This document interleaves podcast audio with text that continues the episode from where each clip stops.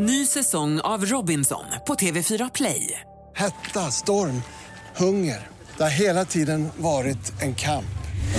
Nu är det blod och tårar. Fan händer just nu. Det. är Detta är inte okej. Robinson 2024, nu fucking kör vi!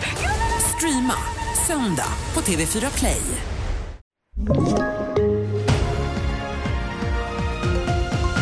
Läsförmågan på nedgång, Tidöoenighet efter vindkraftsbesked och domar efter tysk juvelkupp handlar det om i TV4-nyheterna.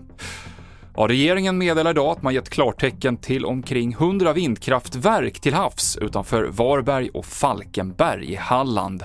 Sverigedemokraterna är kritiska till att man inte fått vara med och bestämma om detta. Men ännu en gång så har de tre regeringspartierna valt att eh, frångå formell samordning med Sverigedemokraterna och det här är ju en fråga som jag har lyft och som vi har lyft inom ramarna för vår samordning, att vi anser att det är en del utav Tidöavtalet, de här vindkraftsrelaterade frågorna. Och då bör det också synkroniseras med oss och det har inte skett i det här fallet heller. Och jag tror att det är dags för oss att lyfta upp den här diskussionen till partiledarnivå.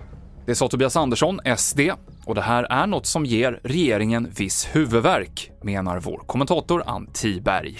Ja, det är svårt för regeringen att handskas med och det märktes därför att redan på pressträffen så började man lyfta upp att vindkraft ingår i Tidöavtalet och att man har sagt att man ska satsa även på vindkraft där, att det ska vara en mix av kraftsatsningar. Sen är ju regeringens tydliga linje i den här frågan att det här handlar om tillståndsgivning och det är vardagliga politiska beslut som inte omfattas av samarbete på det sätt som andra gör. Men det är ju en tolkningsfråga så de får väl ha en diskussion om det. Svenska fjärdeklassare läser allt sämre. Det slås fast i den globala studien PIRLS som genomförs vart femte år. Pojkar och barn från socioekonomiskt utsatta hem presterar sämst resultat. Sverige klarar sig dock relativt väl i en internationell jämförelse och allmänt så anses pandemin ha påverkat läsförmågan, framförallt i de länder där skolorna hölls stängda. Och fem personer har dömts till fängelse efter en stor kupp mot museet Gröna valvet i Dresden i Tyskland 2019.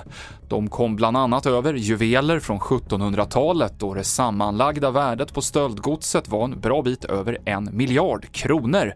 Och en del av godset har ännu inte återfunnits. Fler nyheter finns på tv4.se.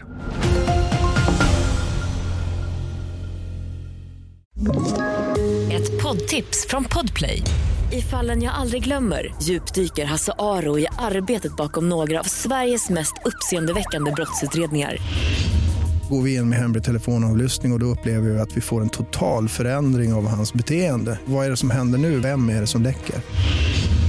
Och så säger han att jag är kriminell, jag har varit kriminell i hela mitt liv men att mörda ett barn, där går min gräns.